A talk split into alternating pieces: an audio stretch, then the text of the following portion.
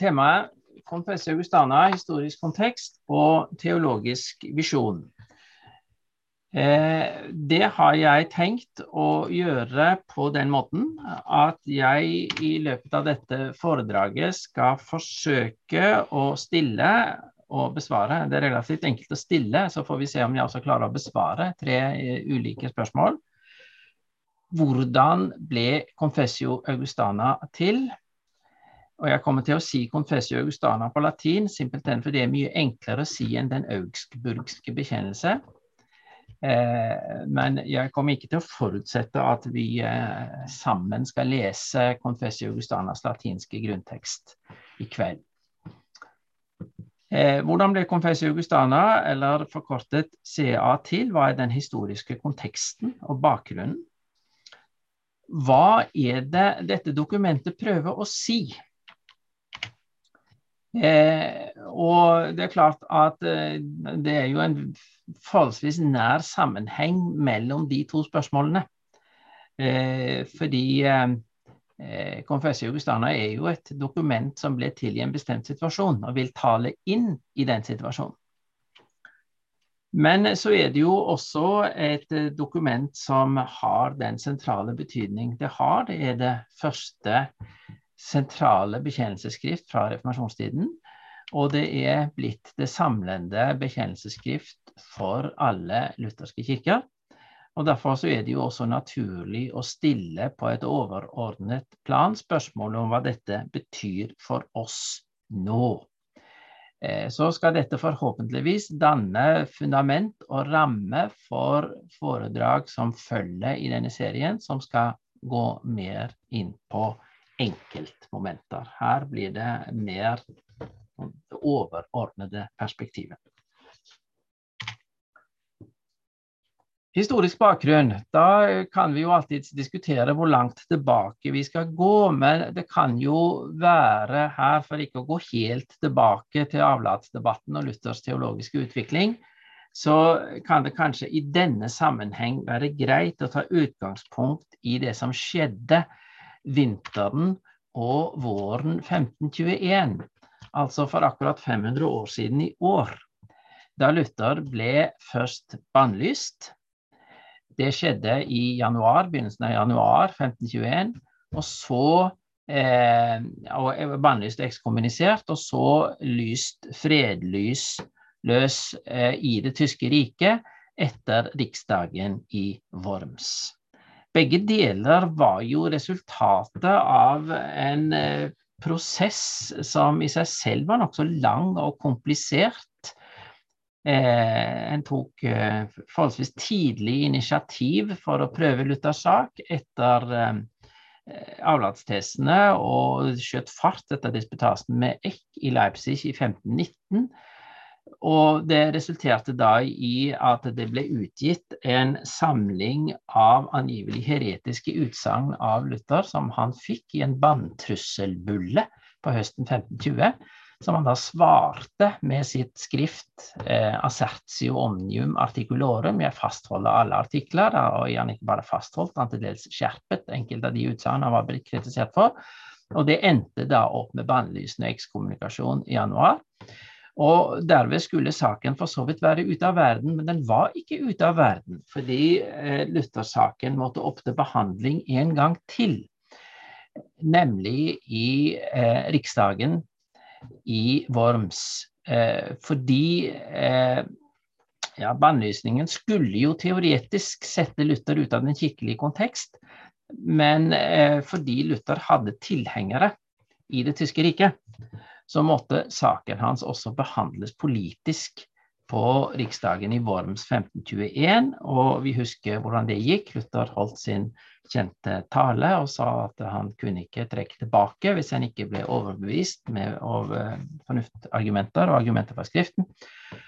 Og det endte da med at han ble lyst fredløs i riket, og det ble forbudt å Eh, å være Luther-tilhenger i det tyske keiserriket. Det var for så vidt et imponerende eh, politisk håndverk fra keiserens side, keiser Karl 5.s side, som fikk dette til. Fordi Luther hadde mange sterke støttespillere. Eh, slik at det var et vedtak som det ikke var enkelt å få gjennom Riksdagen, men eh, keiseren og hans tilhengere klarte det. Og det endte altså med at Luther og den lutherske reformbevegelsen ble forbudt i det tyske riket. Eh, men som jo de fleste sikkert har vært borti i eh, studiet av reformasjonshistorien, så var riksenheten svak i det tyske keiserriket. Det var relativt stor grad av selvstyre, om ikke alt nødvendigvis i teorien, så i hvert fall i praksis, fra de enkelte eh, delstater, kan vi vel si, med et litt moderne begrep, og også noen relativt frie byer. Eh, og i flere av disse stedene så hadde Lutherbevegelsen støtte. Det gjaldt jo bl.a. i Saksen, der Luther selv holdt til. Men det gjaldt også andre steder i det tyske riket. Slik at selv om Lutherbevegelsen formelt var forbudt både av kirkelige og politiske myndigheter, så vokste den likevel gjennom 1520-tallet. Og det bidro til det at keiseren var opptatt av krig med Frankrike. Slik at han måtte la eh, Lutherbevegelsen i Tyskland seile mer eller mindre sin egen sjø.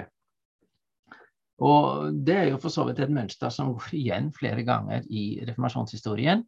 Eh, den, eh, den franske kongen Eh, var ikke veldig begeistret for makten til den tyske keiseren. Og selv om de begge var katolikker, så følte jo eh, den franske kongens motstand mot keiseren til eh, at lutheranerne og reformbevegelsen faktisk styrket sin stilling. Det var den politiske og juridiske situasjonen gjennom 1520-tallet. Så var det en ny riksdag i Speyer eh, også i sørlige delen, i likhet med Augsburg, den sørlige delen av Tyskland, i 1529, eh, der religionsspørsmålet i Tyskland kom opp på ny. Og Det var to grunner til det. Den ene var at eh, nå var striden med Frankrike ikke akutt lenger. Og en annen eh, viktig bakgrunn eh, invasjonen, Det truet invasjon fra tyrkerne. Eh, de eh, kom på denne tiden så langt som til Wien. Og det var maktpåliggende for keiseren å samle støtte til kampen mot tyrkerne. Og dette var en helt sentral problemstilling på riksdagen i Speyer i 1529. Og de tyske fyrstene eh, tok da til orde for at her måtte en sette riksenhet over religionsenhet å oppheve forbudet mot den lutherske reformbevegelsen. Eh, slik at den igjen skulle være tillatt i det tyske riket. Eh, og noe som også ville åpne for større grad av politisk samling rundt keiseren mot angrepet fra tyrkerne. Men det skjedde ikke. Forbudet mot Lutherbevegelsen ble opprettholdt på riksdagen i Speyer i 1529 dette protesterte de tyske fyrstene mot, og det er opphavet til uttrykket protestant. Altså En protestant er opphavelig en som protesterer mot vedtaket på den tyske riksdagen i Speyer i 1529, som eh, opprettholdt Worms-vedtaket, som forbød Lutherbevegelsen i Tyskland. Sommeren etter ble det så invitert til en ny tysk riksdag i Augsburg i 1530. Og religionsspørsmålet skulle opp på ny. Og vi har jo denne interessante konstellasjonen, samstilling av det politiske og det teologiske. Fordi det var av politiske grunner ønskelig med større riksenhet, men en var bundet av en forestilling som tenkte seg at riksenhet var betinget av kirkelig enhet. Formulert i en teologisk problemstilling så ble det til spørsmålet om hvorvidt den lutherske reformbevegelsen var å anse som katolsk. Det var jo i utgangspunktet slik de lutherske så på seg selv. De så på seg selv som en reformbevegelse som skulle korrigere skjevheter og misbruk innen den ene kirken, men de hadde ikke på noe tidspunkt noe ønske om å bryte den, eh, bryte den kirkelige enhet, gå ut av den, starte sin eget kirkesamfunn. Det er en moderne måte å tenke på som lå helt utenfor horisonten. Slik at de lutherske oppfattet seg selv som katolske i den betydning at de arbeidet innenfor den ene kirkelige enhet som var gitt. Spørsmålet var hvorvidt den forståelsen lot seg opprettholde. Og det er det som er problemstillingen når den samles i Augsburg i 1530 og skal diskutere religionsspørsmålet i forhold til spørsmålet om rikets enhet. Eh, Luther kunne ikke eh, dra til Augsburg som eh, fredløs. Så kunne han ikke forlate Saksen. Så han dro så nær Augsburg som han kunne uten å forlate Saksen. Opprettholdt, opp, oppholdt seg på, på borgen Coburg og korresponderte med Melanchthon. Eh, og brevene tok jo gjerne en uke eller to fram og tilbake med kurer, slik at eh, Melanchthon fikk nok noe større grad av forhandlingsfrihet da han ledet den lutherske delegasjonen han, han hadde hatt hvis de hadde korrespondert via e-post.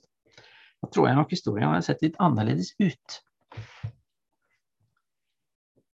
Da Melanchthon eh, som den teologiske leder av eh, gruppen av lutherske fyrster og kirkeledere kom til Augsburg, hadde han med seg flere dokumenter i bagasjen som var utgangspunktet, eller fundamentet for det dokumentet han nå skulle legge fram for å svare på spørsmålet om lutheranerne var katolske. Det første bekjennelsesaktige dokument fra den lutherske reformbevegelse står i Luthers skrift om Kristi nattvær fra 1528. Altså et skrift som, som drøfter realpresensen i forhold til utfordringen fra Svingli og Colampadius. Og, der, og det skriftet avsluttet Luther med en bekjennelseserklæring der han tar stilling til de sentrale kristne trosstandpunkt. Eh, men det var også utarbeidet flere eh, dokumenter som ikke var Luthers alene, det var felles eh, dokumenter utarbeidet av lutherske teologer. Schwabach-artiklene fra 1529, Marburg-artiklene fra samtalen mellom Luther og Svingli og noen av deres følgesvenner i Marburg i 1529 og så tidlig på våren 1530 så ble det utarbeidet et dokument av lutheranerne som vi kaller for Torgau-artiklene. Og dette hadde eh, de med seg i bagasjen da de kom, og Melanchthon tenkte nok kanskje i utgangspunktet at Torgau-artiklene, eller en forsiktig bearbeidelse av de, ville være tilstrekkelig.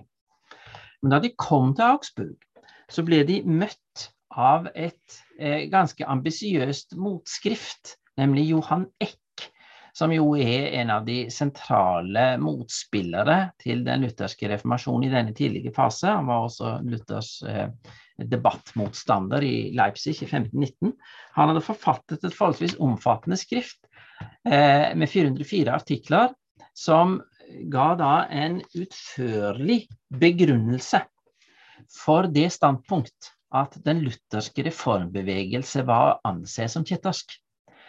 Eh, og da Melanchthon fikk dette dokumentet i, hen, i hende, så skjønte han at her måtte han gå noe bredere til verks og gi en mer eksplisitt begrunnelse for det som var hans primære standpunkt. Eh, nemlig at den lutherske reformbevegelse var å anse som katolsk. Da de kom til Augsburg, så så eh, skjedde to ting samtidig. Eh, for det første så ble det ført forhandlinger mellom lutherske og romersk-katolske teologer, med Melanchthon da som leder for lutheranerne, for å svare på spørsmålet om enheten kunne reddes. Det var ikke slik at en uten videre kom til Augsburg i 1530 med helt fastlåste oppfatninger, og det ble ført forhandlinger med sikte på å gjenopprette den kirkelige enhet. Og den som har lyst til å sette seg litt inn i detaljene i disse tingene, kan jeg henvise til Ragnar Andersens doktoravhandling, som relativt detaljert redegjør for forhandlingene mellom lutheranere og katolikker, i den grad vi, vi har dokumentasjon for dette nå, sommeren 1530 i Augsburg med sikte på å gjenopprette den tapte kirkelige enhet. Men parallelt med dette så arbeidet Melanchthon sammen med andre lutherske teologer på utkastet til det som ble Confessio Augustana. Og det viste seg jo etter hvert at selv om Melankton, som jo var en, en eh, enhetens og fredens mann og kunne tenke seg visse kompromisser, eh, og, og, og for så vidt oppnådde en viss grad av enighet med de som satt den andre siden av bordet, eh, så ble svaret på spørsmålet om enheten kunne reddes, svaret ble nei. Og det var ikke noe annet å gjøre enn å gå tilbake til, eh, til eh, prosessen med å skrive Augustana, eh, som så ble lest opp for Riksdagen eh, som et partsinnlegg fra de lutherske sitt, sin side. Det ble arbeidet parallelt med Confessio Augustana på tysk og på latin. Det er ikke slik at den ene teksten er en oversettelse av den andre. Eh, dokumentet ble skrevet samtidig på tysk og latin, og det ble lest opp på tysk fordi keiseren ikke kunne latin godt nok til å forstå dette på latin, den 25. juni 1530. Da ble det lest opp i sin helhet. Det må jo ha tatt litt tid, men eh, den tiden eh, tok en. Hva er Confessius Augustana sin målsetting i denne historiske konteksten? Det ser vi tydeligst, tror jeg, om vi tar for oss fortalen Ofte når vi, eh, når vi, studerer Augustana, så begynner vi rett på artikkel 1, og det er en eh, viktig og interessant artikkel som jeg skal komme tilbake til. Men for å forstå Augustana og hva slags type dokument dette er i sin historiske kontekst, så må vi, eh, så må vi ta utgangspunkt i fortalen. Og jeg skal ikke lese hele fortalen, men et kort sitat fra det sentrale. Eh, og her er vi altså rett og slett til stede i Riksdagen i Augsburg i 1530, der dette leses opp. Uovervinnelige hersker, ærverdige keiser, aller nådigste herre. Deres keiserlige majestet har skrevet ut en riksdag for å rådslå om de meningsforskjeller som angår vår hellige religion og kristentroen. Dette har Deres keiserlige majestet gjort for at partenes meninger og synspunkter i denne religionssaken innbyrdes kan bli hørt offentlig, forstått og overveiet i gjensidig kjærlighet, overbærenhet og mildhet. Så de kan bli forent og ført tilbake til den enkle sannhet og den kristne enighet, etter at det i Skriftene, som på begge sider er blitt behandlet galt, er blitt rettet. Jeg syns det er et veldig interessant innsteg i denne samtalen. Det kan nok kanskje hende at Melanchthon og lutheranerne ved å formulere seg på den siden, har tillagt Den keiserlige majestet noe mer ireniske og enhetlige oppfatninger enn det strengt tatt var dekning for. Men likevel så er det interessant å, å, å se at de tar sitt fraspark her. Målsettingen er altså å bli ført tilbake til den enkle sannhet og kristne enighet Og dette skal ikke gjøres ved at motparten skal nå sette seg ned og bli belært av de lutherske.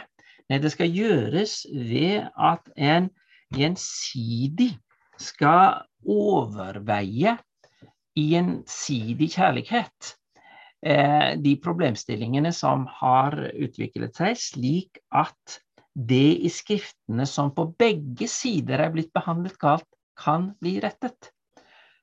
Altså, Utgangspunktet er ikke at en kommer her med overbevisningen om sin egen fortreffelighet. Utgangspunktet er at det her foreligger et problem eh, som truer Kirkens enhet. Og metoden for å løse det problemet er at en setter seg ned, gjensidig lytter i respekt og forståelse, for på den måten å prøve å rette på det som er feil. En kan alltids diskutere realismen i det prosjektet.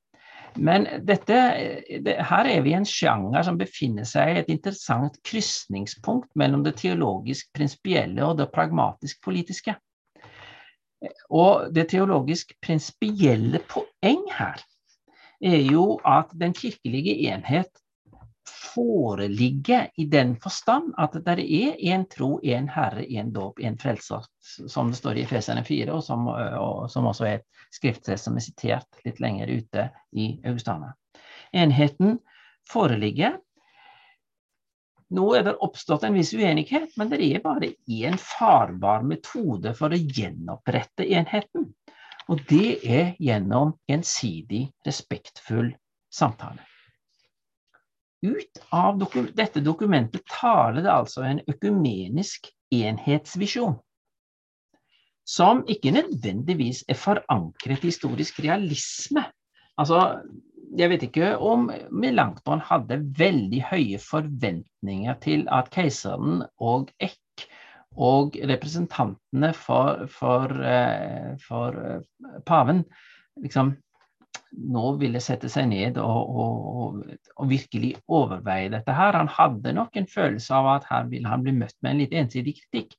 Men, men, men samtidig så er det her en må ta utgangspunkt. En kommer ikke her med vissheten av å ha skjønt alt. En kommer her med, med bevisstheten om å ha påpekt skjevheter og uheldige sider ved utviklingen i den ene kirke som fins, og som en gjerne vil bevare. Og så eh, får vi i fellesskap forsøke å samtale oss fram til det beste vi kan. Det er målsettingen for Augustana. Veldig tydelig uttrykk, uttrykt i fortalen. Og den er også, jeg vil si, ganske konsistent gjennomført gjennom hele dokumentet. Det vi har i Confessio Augustana, er ikke en bekjennelse fra en konfesjonskirke, altså en kirkeavdeling, som oppfatter seg selv som en avgrenset størrelse innenfor en større kristenhet.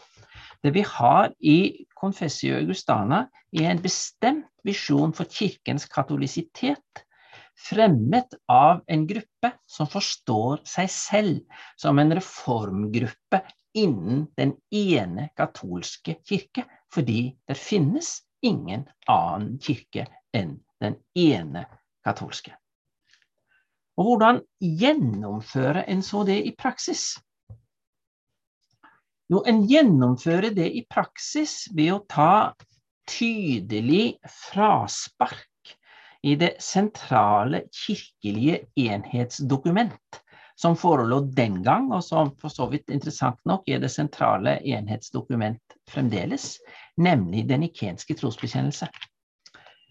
Og så sier en, og det er liksom, Når en er ferdig med fortalen og skal gå, inn i saken, så tar en frasbakke i artikkel 1 og sier at alle våre menigheter lærer samstemt at avgjørelsen på det nikenske kirkemøtet om det guddommelige vesens enhet om de tre personene er rett, og at man må tro det. Altså En begynner med Nikenums treenighetslære som forankring, som konkretisering av enhetsvisjonen. Og så går en videre når en kommer til artikkel 3 og sier nøyaktig det samme om kristologien, der en tar det samme utgangspunkt. Samtidig som en, hvis en leser artikkel 3 nøye, så vil en se at en også har hentet inn eh, eh, aspekter fra eh, Kalkedon-konsilet og, og, og tonaturkristologien. Men den tar altså utgangspunkt i det mest substansielt felleskristelige en kan tenke seg nemlig Nikenums treenighetslære og kristologi. En kunne jo kanskje ha tenkt at lutheranere eh, som skulle bekjenne sin tro, tar utgangspunkt i, i, Skriften, men det er ikke det Augustana gjør. Augustanas utgangspunkt er Nikenum, som den ene kirkes felles trosbekjennelse, Eh, og dette er for så vidt også historisk interessant av en annen grunn. For hvis vi ser eh, konsilsvedtakene eh, gjennom middelalderen, helt fra Kalkedon og framover, så refererer alle til Nikenum. Så alle eh, sentrale konsilsvedtak fra og med Kalkedon og framover tar utgangspunkt i Nikenum og forstår seg selv som presiseringer av Nikenum. Det var slik den ene katolske kirke i fellesskap avgjorde lærespørsmål, og den tradisjonen går Augustana helt bevisst inn i. Og så, når en så går videre, eh, til rettferdiggjørelsen eh, og, og, eklesiologien i, eh, i, Augustana, så får vi dette i form av anvendt kristologi. Som også knytter til en bestemt formulering i Nikenum, der det står om inkarnasjonen at den skjedde for oss mennesker og for vår frelses skyld. Så, og det er den formuleringen fra Nikenum som presiseres i artikkel 4 i rettferdiggjørelseslæren. Og så følger det andre presiseringer fra, eh, fra artikkel 7 og, og, utover, når eklesiologien kommer, som er presiseringer av Nikenums eh, artikkel 3 eh, i lys av den eh, kristologiske bekjennelse som er lagt fram i artikkel 3 og 4. Slik at denne, denne, orienteringen er konsekvent fastholdt, vil jeg mene, gjennom alt som Augustana har å si positivt om troens innhold. Men Augustana utfolder ikke bare troen positivt. Augustana har også en del interessante ting å si med kritisk brodd mot vranglærende oppfatninger. Eh, det har en, en god del av i Augustana, men det er interessant å legge merke til hvordan dette er disponert. Fordi Augustana er veldig tydelig delt i to deler. Og denne todelingen preger også de avvisninger, avvikende læreoppfatninger, som en har i Augustana. Augustana består som sagt av to deler. Første del omfatter artikkel 1 til 21 som er den positive framstilling av den katolske kirkes tro, slik den fastholdes og bekjennes av den lutherske reformbevegelse. Denne delen inneholder også en rekke avvisninger av vranglære. Men her mener Melanchthon og lutheranerne i Augsburg ikke å si noe kontroversielt. Altså alle fordømmelser i første del av Augustana er fordømmelser av det den katolske kirke alltid har avvist. Eller alltid og alltid. Altså disse tingene har kommet opp gjennom den katolske kirkes historie. Og den har samlet avvist dette, slik at fordømmelsene i første del av Augustana skal ikke vise noe annet enn at den lutherske reformbevegelse fastholde de læremessige avgrensninger som den katolske kirke alltid har holdt fram. Det er følgende standpunkt. I artikkel 1 så avvises vranglære i treenighetslæren Eh, og det er jo for så vidt en interessant liste. Jeg har av og til brukt den som en slags sånn kirkehistorisk repetisjonsliste. For her får vi en opplisting av, av hvilke vranglærere har i, i, i, forhold til treningslærerne. Det er manikeerne eh, og og valentinianerne, altså eh, varianter av gnostisisme som fornektet skapelsens godhet og dermed opererte med en form for dualisme. Eh, eh, arianere og evnomianere, eh, to eh, valentinianere som også er en form for gnostikere, eh, arianere og evnomianere som er varianter av det samme. Og muhammedanerne, altså det er interessant at muslimene er tatt med her, men altså de er jo tatt med fordi det var for det første en aktuell utfordring. Det, den trusselen fra tyrkerne var, var aktuell nok. Og i læremessig henseende så var de jo ansett som, som avvikere i gudslæren fordi de jo avviste treningslæren. Det er jo for så vidt en relevant problemstilling fremdeles. Dette står i artikkel 1. Artikkel 2 om arvesynden avviser pelagianerne. Eh, som jo også den romersk-katolske kirke gjorde. Eh, det er kontroversielle elementer i dette, fordi striden om senmiddelalderlig sempelagianisme var jo en høyst aktuell eh, problemstilling. Men eh, eh, at pelagianismen, altså tanken om at eh, frelsen essensielt består i etterfølgelsens gode gjerninger, eh, det kunne en stå sammen med, med de romersk-katolske motstandere og hevde. Så avvises svermeriet artikkel 5, nemlig den tanke at eh, troen kan komme uavhengig av nådemidlene, formidles direkte i menneskets hjerte. og Det ville jo den institusjonelle kirke ikke være med på. Artikkel 8 så avvises donatismen, nemlig altså tanken om at sakramentenes gyldighet avhenger av sakramentbærernes hellighet. Eh, det var jo ukontroversielt siden Augustin. Eh, en avviser fornektelsen av barnedåpen i artikkel 9, og en avviser fornektelsen av realpresensen i artikkel 10. Og alt dette står ut fra den forutsetning av at dette kan den lutherske reformbevegelse og deres romersk-katolske motstandere på den andre siden av bordet si i fellesskap. Altså dette skal ikke være kontroversielt i denne konteksten.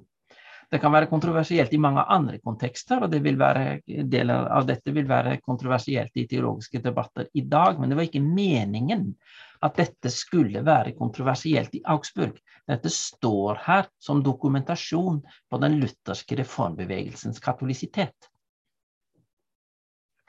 Så har vi del to av Augustana, som er artikkel 22-28. Og der tar de for seg det som er kontroversielt i forhold til den romersk-katolske kirke. Men en gjør også det på, med en interessant vri og en interessant bakgrunn. For nemlig det som avvises her, er avvisning av teologiske nyheter. Altså her avvises eh, oppfatninger som er kommet opp i den senere tid. Ikke nødvendigvis fordi disse oppfatningene alltid er feil, men fordi det vil fare galt av sted å gjøre disse oppfatningene som her listes opp, til betingelser for Kirkens enhet. For da har en et problematisk forhold til Kirkens katolisitet. Det er det som ligger i, i, i Augustanas perspektiv på dette. Ved å gjøre disse fenomenene til kjennetegn på Kirkens enhet, så gjør en Kirkens enhet til noe som er grunnlagt på noe annet enn det som var tilfellet for apostlene og i Oldkirken. Og hva dreier det seg konkret om? Det dreier seg om spørsmålet om hvorvidt nattverddeltakerne skal få brød og vin, eller lekfolket bare brød. Eh, det dreier seg om sølibatstvang for prester. Det dreier seg om messeofferlæren, altså tanken om messen som en fortjenstfull gjerning. Det dreier seg om tvang til skriftmål. Det dreier seg om bestemte spiseforskrifter, altså fasteregler. Det dreier seg om munkeløfter, og det dreier seg om biskopenes verslige makt, artikkel 28. Ikke alt dette trenger å være kontroversielt. Altså, det er selvsagt ikke kontroversielt om prester ikke gifter seg. Det er heller ikke kontroversielt om folk går til skrifter, for det bør en jo ifølge Augustana også gjøre. Eh, og det er heller ikke kontroversielt at en faster. Det som er problematisk, og det som her Augustana påpeker med en viss eh, historisk tyngde i sin kritisk brodd, er at å operere med dette som enhetskriterier, det har tvilsom historisk presedens. Derfor er det vanskelig å operere med dette som kriterier for katolisitet i bekjennelsens mening, Nikenums mening.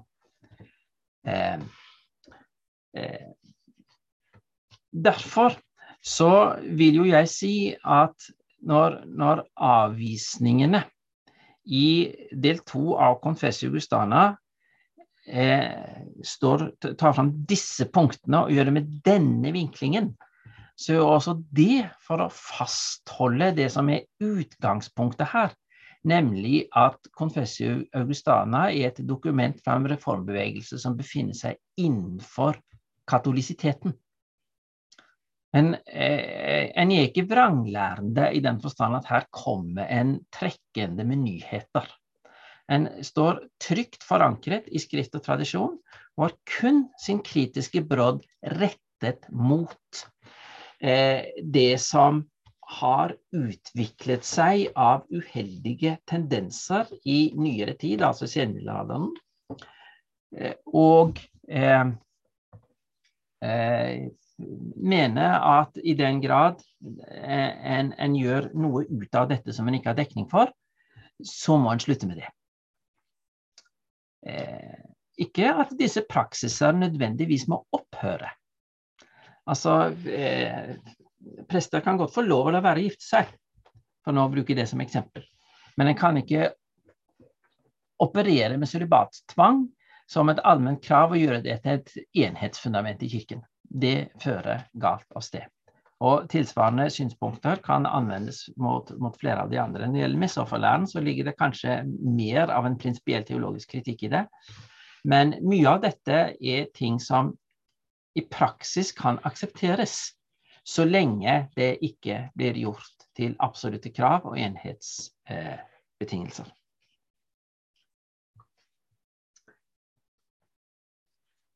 Hva er det da som ligger i dette prosjektet? som, som, teologisk, som et teologisk prosjekt. Eh, kirken har en gitt identitet som ligger i Bibelen, og den katolske i betydningen økumeniske, felleskristne bekjennelse. Eh, denne bekjennelsen foreligger i sin kjerne allerede i Det nye testamentet, gjennom de bekjennelsesformuleringer vi har der. Jesus er Herre, bekjennelsen til, til den oppstandende, eh, som vi har tilløp til flere steder i, i brevene. Og som så har, har utviklet seg gjennom kirkens tradisjon ved at en i gitte situasjoner har funnet det nødvendig å bygge ut denne bekjennelsen. Ikke for å føye noe til, men for å presisere den i gitte historiske kontekster. Og det er på den bakgrunn at eh, lutheranerne resipierer de klassiske bekjennelsesskriftene fra oldkirken, fordi de ser de som, eh, som gode uttrykk for den katolske tro i gitte situasjoner. Det gjelder jo da primært Nikenium, men det gjelder også den apostoliske trosbekjennelse, den atanasianske trosbekjennelse og Kalkedon-konsilets kristologi. Alt dette er begrunnet og forankret i åpne og allment tilgjengelige kilder. Og det er et veldig vesentlig moment i den lutherske reformbevegelse. Eh, altså eh, eh, bekjennelsens innhold må kunne begrunnes på en åpen og etterprøvbar måte. Og Det var en, en kritisk brodd mot romersk-katolsk autoritetsforståelse som vi ser i, i Luthers reformprogram ganske tidlig. Eh, allerede fra avlatsstriden. Eh, fordi eh, en vesentlig moment i Luthers kirkekritikk var at den hadde en autoritetsutøvelse som ikke var etterprøvbar. Altså Autoritetsutøvelsen foregikk i lukkede rom ved at paven og hans nærmeste medarbeidere påberopte seg åndens ledelse for lærevedtak som ikke hadde entydig eh, bibelsk begrunnelse.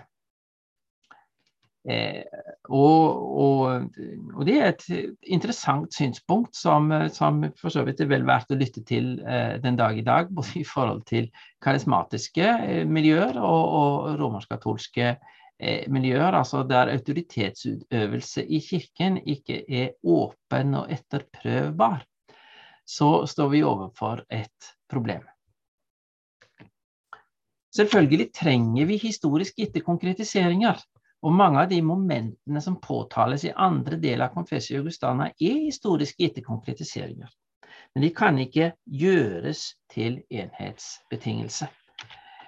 Implisitt i dette så ligger det en kritikk av hierarkiets åndelige autoritet. Eh, den forblir i stor grad implisitt. Det kommer litt til overflaten i artikkel 28 når det er snakk om menighetens eh, plikt til å overprøve biskopelige lærevedtak. Men eh, det tematiseres ikke i sin bredde i Augustana. Sagt på en mer direkte måte, Augustana har ingen artikkel om paven.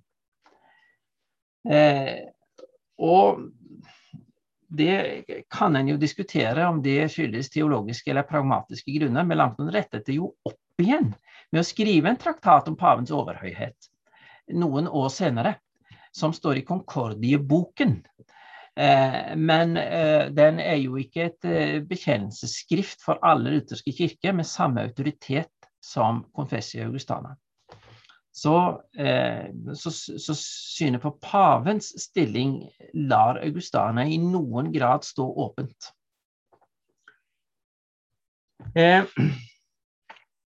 Hvordan skal autoriteten i kirken eh, forvaltes? Det er jo et, eh, et stridsspørsmål mellom eh, romersk-katolske og lutheranere, og har vært det siden, siden 1520-tallet. Augustana har klare tanker om en kirkelig struktur en tydelig føring for embete, gudstjeneste, sakramentforvaltning. Altså Augustana gjør ikke kirken strukturløs. Men den har samtidig heller ikke en fast tømret struktur for kirkens ledelse det er etter Augustanas oppfatning å gå for langt. Altså det, der har han ikke dekning i katolisiteten for å etablere en bestemt struktur som skal ha autoritet til å avgjøre lærespørsmål. Så kan en diskutere om det er en styrke eller en svakhet, men det er jo for så vidt relativt tydelig hva som er Augustanas standpunkt her. Dette var enhetsvisjonen fra Augustana, sånn som den er lagt fram i fortalen og eh, fastholdt gjennom dokumentet. Vi kan si mye om eh, teologisk presisjon i den måten dette er uttenkt og fastholdt. Men det var ingen historisk suksess. Konfessor Augustanas enhetsvisjon ble avvist. For det første så ble den avvist i Augsburg ved at de romersk-katolske teologer eh, forfattet et eh, motskrift, som vi gjerne kaller for reputasjonen, altså et, en gjendrivelse av Augustana, der en påpeker på bestemte punkter hvor dette dokumentet ikke ivaretar en romersk-katolsk kirkeforståelse. Og så endelig og definitivt gjennom Tridentinerkonsilet, eh, som er altså den romersk-katolske kirkes forsøk på å gjenoppfinne seg selv eh, etter eh, bruddet med den lutherske reformbevegelse. Samlet seg altså i Trient i Nord-Italia i uh, flere sesjoner, fire tror jeg, i årene 1545 til 1563. Uh, med utgangspunkt i Confessios Augustanas kritikk av teologiske nyheter, så må vi si at Tridentinerkonsilet faktisk ikke kommer så veldig godt ut. For Tridentinerkonsilet uh, innfører faktisk Eh, noen ganske grunnleggende teologiske nyheter. For det første så får vi en ny autoritetsforståelse. Fordi Augustana knesetter for første gang et prinsipp uten presedens i den kristne kirke. Nemlig at Skriften og den muntlige overlevering har samme autoritet. Det er en autoritetsforståelse uten presedens som dermed er prinsipielt sett høyst problematisk som uttrykk for kirkens katolisitet. Det er en ny lære som vedtas på Tridentinerkonsilet. Og en får en eh, ny frelsesforståelse som avviser Augustanas rettferdiggjørelseslære, og i den grad Augustanas rettferdiggjørelseslære forstår seg selv som en applisering av kristologien i Nikenum, og det gjør den så er dette også teologisk høyst problematisk. Og i hvert fall etter min oppfatning, dette vil jo da eh, være potensielt eh, kontroversielt i, i forhold til katolikker, så er eh, Tridentinerkonsinet helt åpenbart ikke katolsk i Nikenums mening. Her foreligger det et helt klart brudd på en helt annen måte enn det vi har i Augustan. Men heller ikke i den lutherske kirke så ble Augustana og tradisjonen derfra vel ivaretatt. Og Det er flere grunner til det. Bruddet med den romersk-katolske kirke gjorde at den lutherske kirke etter hvert, ikke umiddelbart, ikke nødvendigvis på 1500- og 1600-tallet, men etter hvert mistet mye av sin historiske røtter Altså, eh, vi tenker ikke uten videre på jo kanskje på oldkirken, men ikke uten videre på middelalderens kirke som den historiske kontinuitet vi står i. Men Augustana tenker slik. Eh, nyere kirkehistorie, nyere luthersk kirkehistorie har en tendens til et utgangspunkt i reformasjonen og si at alt som skjedde før det er uinteressant. Det leder umiddelbart til teologiske mangelsykdommer. Og så fikk vi jo også etter hvert den situasjonen som gjorde at Confessio Augustana ble pakket inn i en luthersk statskirkelighet og gjensidige forkjetringer. Slik at ånden fra Augustanas fortale, det med den gjensidige ydmykhet, det med å rette opp i det på begge sider som er blitt feil, det ble helt borte. Og Augustana ble pakket inn i en fortolkningskontekst som har veldig lite å gjøre med Augustanas opprinnelige kontekst. Når Augustana skal forsvare en bastant, konfesjonalistisk, luthersk statskirkelighet, så blir Confessio Augustana brukt på en måte som har veldig lite til felles med den historiske situasjon og den målsetting som Confessio Augustana hadde i utgangspunktet. Dette førte til en konfesjonssplittelse som igjen ledet til samfunnets sekularisering. Den bidro i hvert fall til det. Eh, den konstantinske kirkemodell så til Kirken som en enhetlig institusjon i samfunnet. Og det var som bidrag til samfunnets ideologiske enhetsfundament at Den kristne kirke ble favorisert i, under Konstantin og gjennom middelalderen. Nå fant Kirken fra hverandre i gjensidig forkjetrende kirkeavdelinger. Og det bidro helt klart til samfunnets sekularisering, til at kirken forsvant som enhetsfundament. Samtidig så fikk vi da en sekulær modernitet som representerte utfordringer for det romersk-katolske og det protestantiske som de møtte på helt ulike måter. Den romersk-katolske strategi var en gjennom i hvert fall det 18. og 19. århundre en bastant antimodernisme, som jo ble myket opp etter hvert. Mens den protestantiske strategi var vekkelsenes og den liberale teologiens kompromisser. Dette kan vi si mye om, men det skal jeg ikke gjøre nå. Det, det, interessante i denne sammenheng er jo at begge disse strategiene er jo så fjernt fra den eh, fra Confessio Augustanas enhetsvisjon som det er mulig å komme. Her har vi gjensidig forkjetrende kirkeavdelinger med svært lite kontakt med hverandre, som har helt ulike strategier for hvordan en skal forholde seg til den sekulære offentlighet som har åpnet seg i kirkens omverden, langt på vei som et resultat av den kirkesplittelsen vi fikk. Kanskje den økumeniske bevegelse, og det er et spørsmål som vi eh, jo eh, kanskje kan komme tilbake til i samtalen, kanskje vi kan se på den økumeniske bevegelse som en gjenoppliving av CAs enhetsvisjon, i hvert fall når den er på sitt beste.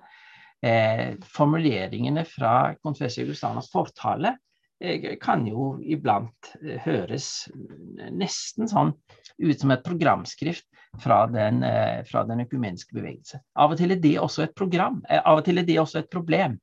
Fordi det er elementer i den økumeniske bevegelse som på den måten høres ut som repetisjon av et luthersk bekjennelsesskrift. Eh, hvilket også kan føre til en viss asymmetri i det økumeniske, for der skal vi jo gjerne gi og ta på begge sider. Hvordan står så Confessio Augustanas enhetsvisjon i dag? Vel, som jeg har vært inne på, så befinner jo Augustana seg i en sånn krysning mellom det politisk pragmatiske og det teologisk prinsipielle. Men det teologisk prinsipielle er såpass eh, velfundert og gjennomtenkt at jeg tror dere holder i det. Vi kan ha det som utgangspunkt en dag i dag. Kirkens enhet er en gitt størrelse. Det er bare én frelser, én frelsende tro, én Herre. Vi har bare ett fundament å forholde, oss til. Og Derfor så må det være en viktig målsetting for oss som kristne og teologer å arbeide for å få bort det som hindrer oss i å se og uttrykke denne enheten. Da må vi være åpne for kritikk av andre og oss selv, slik Confessio Augustanas fortale legger opp til. Og vi må ha vilje til å lytte etter det positive i det som er annerledes. Samtidig som vi også må ha med oss, tror jeg, et kritisk perspektiv på de ytterligere teologiske nyheter som er kommet etter reformasjonen, og som på tross av bestrebelser økumen, mot økumenisk enhet har, har virket Eh, i motsatt retning og virket til å spre. Eh, og det er jo ikke så vanskelig å identifisere hva dette er. I den romersk-katolske kirke så er det dogme om pavens uførbarlighet og mariadogmene som er nye læremessige standpunkt, i hvert fall som dogmer etter reformasjonstiden, og som bidrar til å føre den romersk-katolske kirke bort fra, bort fra, katolisiteten, selv om den på mange andre punkter er kommet nærmere. Eh, og i, eh, i, vår egen tradisjon, i den, eh, i den tradisjonen, så gjelder det på, på tilsvarende vis eh, læren om kvinnelige prester og den nye samlivsetikken, som helt åpenbart er problematisk i forhold til Confessius Augustanas økumeniske enhetsvisjon. Da har jeg brukt min tid, så da stopper jeg der. Jeg vet ikke om vi vil ha en pause før eh, Erik tar på, eller da kan du overta ledelsen igjen, eh, Bojo.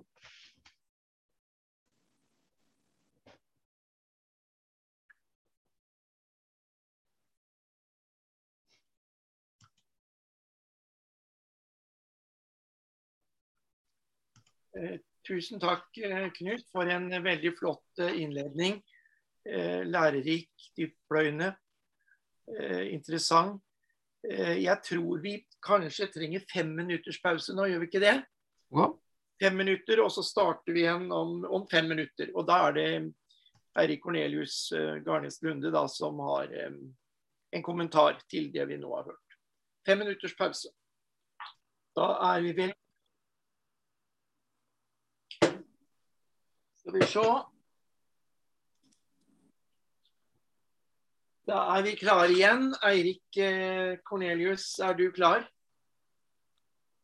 Eh, ja, det er jeg. Um, um, jeg vil takke for foredraget, Knut. Uh, det er som alltid spennende å, lytte var, litt, det var litt vondt å høre deg. Du var litt sånn inn, og ut. Erik, det var litt vondt å høre deg. Du var litt inn og ut. Hører du meg nå? Er jeg nå? Ja, jeg hører deg nå. Hallo? Ja. ja nå går det bra. Ja, så bra. Da skal jeg prøve å sitte nært, kanskje. Så. Ja, flott. Eh, ja, jeg vil takke for foredraget. Og så er det jo en ganske krevende materie, så jeg må si jeg syns det har vært litt vanskelig å vite hva jeg skal um, hente opp. Men jeg har sett på noen ting som jeg ønsker å gi en kommentar på, og som munner ut i et spørsmål. Uh, og, videre, og, en videre samtale, håper jeg. Uh, og det ene er det at du sa at konfessor Confessio Augustania det er ikke en bekjennelse fra en konfesjonskirke eller en kirkeavdeling. Eh, men den har jo nettopp en enhetsvisjon og eh, er fra en reformbevegelse innen den ene kirke.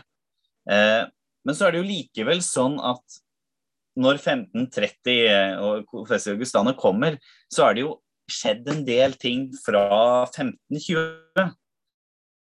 Man har jo fått liturgiene på luthersk mark, man har fått lutherske salmer, man har fått i noen grad et eget kirkestyre, og så i 29 så kom jo katekismene. Eh, så på en måte, jeg lurte på om du kunne kanskje nyansere det i noen grad, for jeg tenkte i alle fall at eh, selv om man ikke forstår seg selv som en egen kirkeavdeling, og, ikke, og på en måte som, som, er noe annet enn den ene kirken, så er det jo likevel slik at i praksis har skjedd et ganske tydelig skille og som man vel med Confessio Augustano på en måte ser at ja, nå er det endelig. Så jeg bare lurte på om du kunne si noe om eh, hvordan man ser på seg selv og om som en i praksis på en måte egen kirkeavdeling, fordi det har skjedd såpass mye. Eh, et såpass tydelig brudd med kirken i en del praktiske hensyn, i alle fall. Eh, og så hadde vært også spennende å høre om du kunne si noe om det som eh, Hvordan konfesjonaliseringen skjer med nødvendighet. Og da tenker jeg både gitt, i, både gitt samfunnsforholdene, men også eh, den teologiske distanseringen som skjer med Trientkonsilet var det slik at det måtte gå som det gjorde med Den lutherske kirke. Eh, og så tenker jeg også det har vært spennende å høre hvordan på en måte den økumeniske visjonen eh, også opprettholdes da, i noen grad eh, på luthersk mark. For det er jo ikke sånn at man tenker at nå er vi en særkirke som ikke har noe med den ene å gjøre. Men det er jo fortsatt en visjon som i noen grad opprettholdes. Så kan du si på en måte f.eks. hvordan det er i Concordie boken og i den lutherske ortodoksien. Hvordan man tenker om seg selv eh, som den ene katolske kirke og sin egen lære som et eh, uttrykk for denne. Ja, så det er altså to spørsmål eh, som jeg ville stille. Eh, ja eh, Det var vel egentlig tre. Eh, altså, eller det, kanskje de to første hører sammen. Har det har det skjedd noe i 1530? Ja, det har skjedd noe, men det ble ikke oppfattet som uopprettelig. 1530 ble det ikke oppfattet som uopprettelig. Eh, Luther gjorde kanskje det. Luther var litt ubekymret for den slags eh, han, han, hevet seg litt over sånne pragmatiske enhetsspørsmål. han bare forkynte evangeliet, så fikk eh, de bitene falle der de falt. Men Melanchthon og andre som, eh, som tenker litt mer pragmatisk, oppfattet ikke broene som brent i 1530 den mest entydige handling når broene brennes, er når en begynner med separate ordinasjoner. Eh, for da bryter en med bispemakten. Og Det hadde en ikke gjort i 1530. Og en var seg nok bevisst at en skulle holde tilbake. Det gikk ikke så veldig mange år før, før en brente også de broene. Vi, vi, eh, Ordinasjonen i København 1537 var jo relativt tidlig ute. men altså, og da, Det er jo ikke gått så mange årene etter Augsburg da. Eh, og da begynte det også å skje andre steder. Eh, men en, en var tilbakeholden med å brenne alle broer. Og, og, det ble jo også ført forhandlinger med sikte på å gjenopprette den kirkelige enhet. Seriøse forhandlinger etter 1530. Du hadde det jo for så vidt også på slutten av 1540-tallet. Nå førte jo det til ting som ble kontroversielle på, på sin måte. Men altså, eh, enhetsspørsmålet var levende. Eh, eh, måtte det gå som det gikk? Vel eh, den romersk-katolske kirke hadde, måtte ikke gjøre som den gjorde. Altså eh, eh, Det er ikke vanskelig å tenke seg en kontrafaktisk historie der ledelsen i den romersk-katolske kirke hadde vært i større grad åpen for å vurdere den lutherske reformbevegelsens katolisitet. Eh, det tror jeg det er mulig å tenke seg. Og det er også mulig i dag å etterspore en viss kritisk selvbevissthet hos enkelte romerkatolske som sier at, at Lutherbevegelsen ble faktisk ikke håndtert på, på en god måte. Eh, jeg tror ikke det ligger noen form for teologisk nødvendighet i at Tridentinerkonsilet trengte å lande der de trengte. Der, trengte å lande der de, der de landet. Selv om det jo for så vidt er organisatoriske, en sånn organisatorisk selvoppholdelsesdrift eh, som gjorde det. Så kan en jo stille spørsmålet om lutheranerne måtte forholde seg til den romersk-katolske kirke slik de gjorde, altså, Det er elementer av historisk nødvendighet her. En måtte henvende seg til den politiske øvrighet fordi en hadde ingen annen instans. og Det ledet i sin konsekvens til den lutherske konfesjonelle statskirkelighet, som ligger ganske langt fra, det, fra den visjonen som den lutherske reformasjonen begynte med. Eh, det en jo i ettertid kanskje kan, eh, kan Eh, kan si, er at en kunne ha fastholdt et større grad av kritisk bevissthet i forhold til det historisk betingede i sin egen situasjon. Men når vi beveger oss inn i ortodoksien, så er det en tendens til å ville forherlige sin egen posisjon som den eneste riktige, på bekostning av den andre. Eh, det, det ser en på begge sider. Og det tror jeg er uheldig. Og, og, og eh, det er langt på vei i strid med den enhetsvisjonen som i utgangspunktet bar den, eh, den lutherske eh, reformasjonen. Altså, det vi mister når vi sånn eh, ja, En kan diskutere akkurat hvor i denne prosessen Concordieformen befinner seg. Men altså når en beveger seg inn i ortodoksien, så beveger en seg inn i en situasjon der en får kirker som i utgangspunktet har et nokså vidtgående felles lærefundament. Altså Vi står jo fremdeles sammen om Nikenum. Ikke ser hverandre som det men ser hverandre som separate, vranglærende kirker som gjensidig forkjetres. Altså det enhetsfundament som tross alt er der, og som selv Luther i sin mest polemiske eh, tid har en klar forståelse for. Altså også i pavedømmet finnes Guds ord. Også i pavedømmet forkynnes evangeliet så mennesker kan bli frelst. Altså, det aspektet av en felles forståelse av et fundament på tvers av grensene forvitrer. Og en blir primært interessert i å drive skyttergravkrig på hverandre. Altså, det skjer en, en mentalitetsendring her. Og der mener jeg at Confessio Augustana kunne ha representert et korrektiv i større grad enn det som skjedde.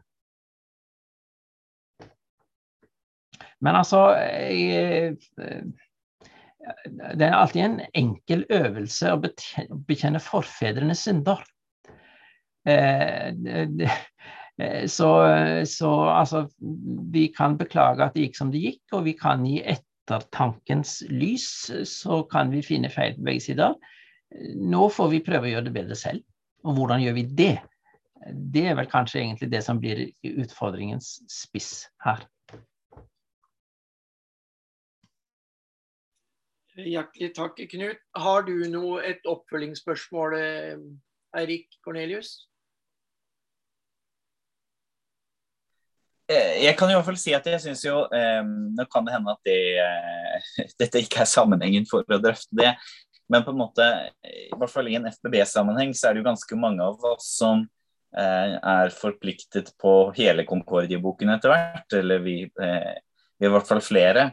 Eh, så derfor er jo på en måte Concordie-boken, og særlig Concordie-formelens plass i dette, eh, ganske sentralt. Eh, og, og, og, på en måte i hvilken grad det, kan, det dokumentet kan ses på som et problem for økumenisk samarbeid, eller om det er eh, en nødvendig tydeliggjøring av Confessio Augustanas eh, intensjon eh, i etterkant av de intralutherske stridighetene. Eh, men det vil kanskje føre litt for langt å ta det her, men jeg tenker det vil være eh, kan være spennende eventuelt i fortsettelsen. hvordan Concordia-formelen kan forstås på en fruktbar måte eh, når man er forpliktet av den, hvordan den også eventuelt kan brukes i en eh, økumenisk sammenheng. Jeg er enig i det. Det er en interessant og viktig problemstilling. Eh, jeg tok det ikke opp her fordi det var Augustana som var tema, men det er også en, en saklig grunn til det. og det er jo at Concordieformelen er jo primært interessert i å, oppgå, å gå opp fronten i forhold til de reformerte og i forhold til de indrelutherske stridigheter. Det er ikke primært eh, relasjonen til den romersk-katolske kirke som er i fokus i, i eh, Concordia-formelen. Eh, men altså, i, det er en interessant problemstilling som kunne absolutt eh, kreve sin egen oppfølging i, eh, som en videreføring av det foredraget. I hvor stor grad kan vi ta det perspektivet fra Augustana med oss inn i Concordia-formelen? Jeg tror ikke det er helt fjernt. Eh, så, så, så jeg, vil ikke, jeg, vil ikke, her ha sagt at vi må lese Concordieformen på en helt annen måte eh, enn det jeg nå har lagt opp til.